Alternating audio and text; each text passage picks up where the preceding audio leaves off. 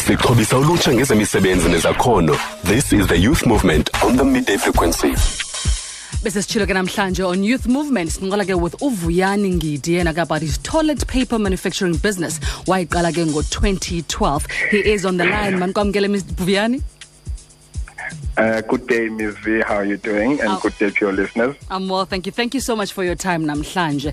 Can you just briefly tell us about Softex and how you got started? Okay. Uh, firstly, uh, thank you for having us.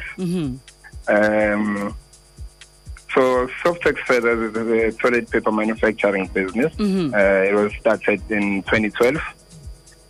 Uh, and it's 100% black-owned company. You know, Mm, yes.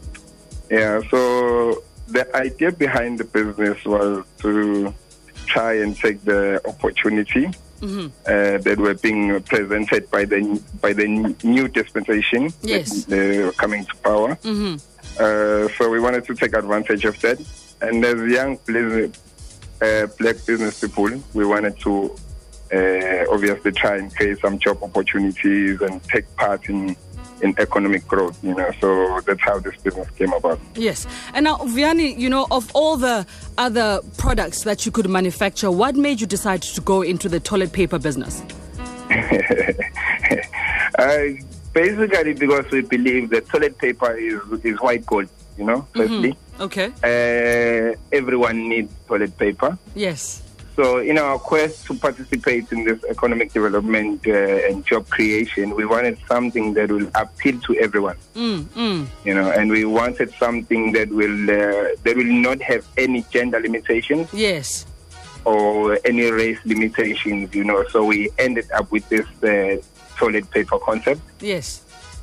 uh, because obviously we, we thought, okay, you, you know what, everyone needs toilet paper.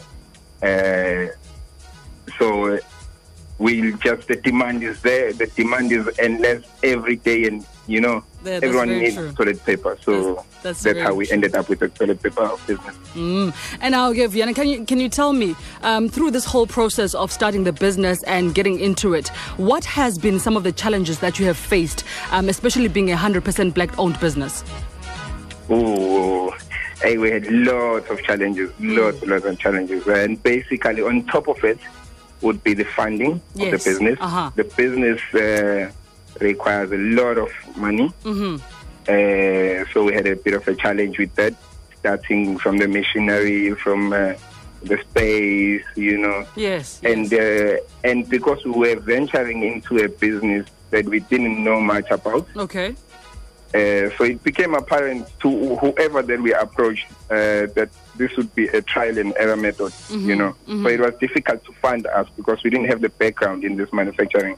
So we had to uh, fund the business ourselves. Wow. So that was the biggest challenge that we had. Mm. Uh, and then moving on from that, now that we had the, the product, the other challenge was getting it out there. Yes. Yes. A huge challenge in getting into the retail industry. mm-hmm. Uh, you know, the outlets just became the problem. We ended up with a lot of stock on the floor, so uh, that again it becomes a huge problem. Mm, so, but uh, we carried on. Wow.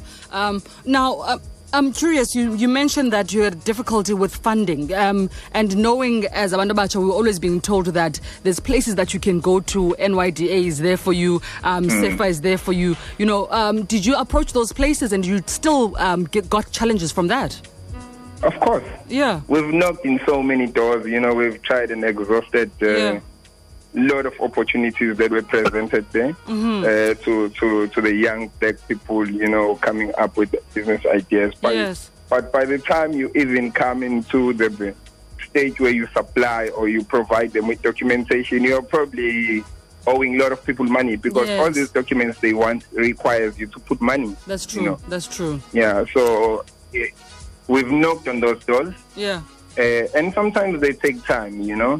So you you can't wait for for the process when you can try and exhaust another option.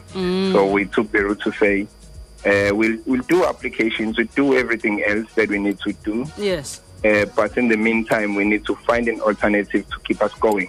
Mm, no, yeah, Yeah. iyavakala iyavakala um okokugqibela ke before i let you go vian you know what advice um, would you have for ke aspiring entrepreneurs especially abantu abatsha about just the importance of uniqueness when going into a business venture Uh, being unique is obviously very important, you know. But the, again, on the same token, I think in venturing into a certain business, you need to find someone you can use Mm-hmm.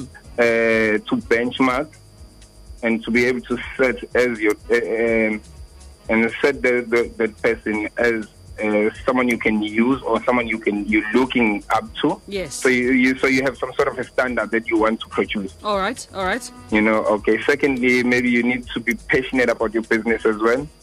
Uh, because you need to understand that in starting any business, you might go a few years without making any profit. Mm. So the passion part of it uh, is very important in in in, uh, in in the surviving of the business, and you know because it takes a very long time. You know, Mm. Mm. so so and and understanding that the business doesn't fail unless you stop trying. You know, Mm. So if, if you fail, it's it's not a problem, but the problem begins when you stop trying again. You know, so. All I would say you need to be passionate uh, and don't give up. Basically, keep going. You're gonna fail many times, many times. I can't, Yes, I can't even tell you how many times we've Mm, failed. And sometimes we even laugh at ourselves and say, "Look, look hey, we've got so much money into this." Yeah. Uh, and we we expected that because it was a trial and error method. So Mm. obviously we learned a lot of things by losing, by making mistakes. But eventually, it seems like we get it right. Yes, it's all about res- resilience. Mm. Vuyani, thank you so much. I'll be walking around again looking for Softex and hopefully Genaji will be able to support uh, black businesses. But thank you so much and we wish you all the best as you move ahead. Thank you very much. We appreciate your time. We will work tirelessly to get it there as Yes. soon as possible. Definitely. Thank you so much. The midday frequency, 12 to 3 p.m. Monday to Friday on True FM like no one else.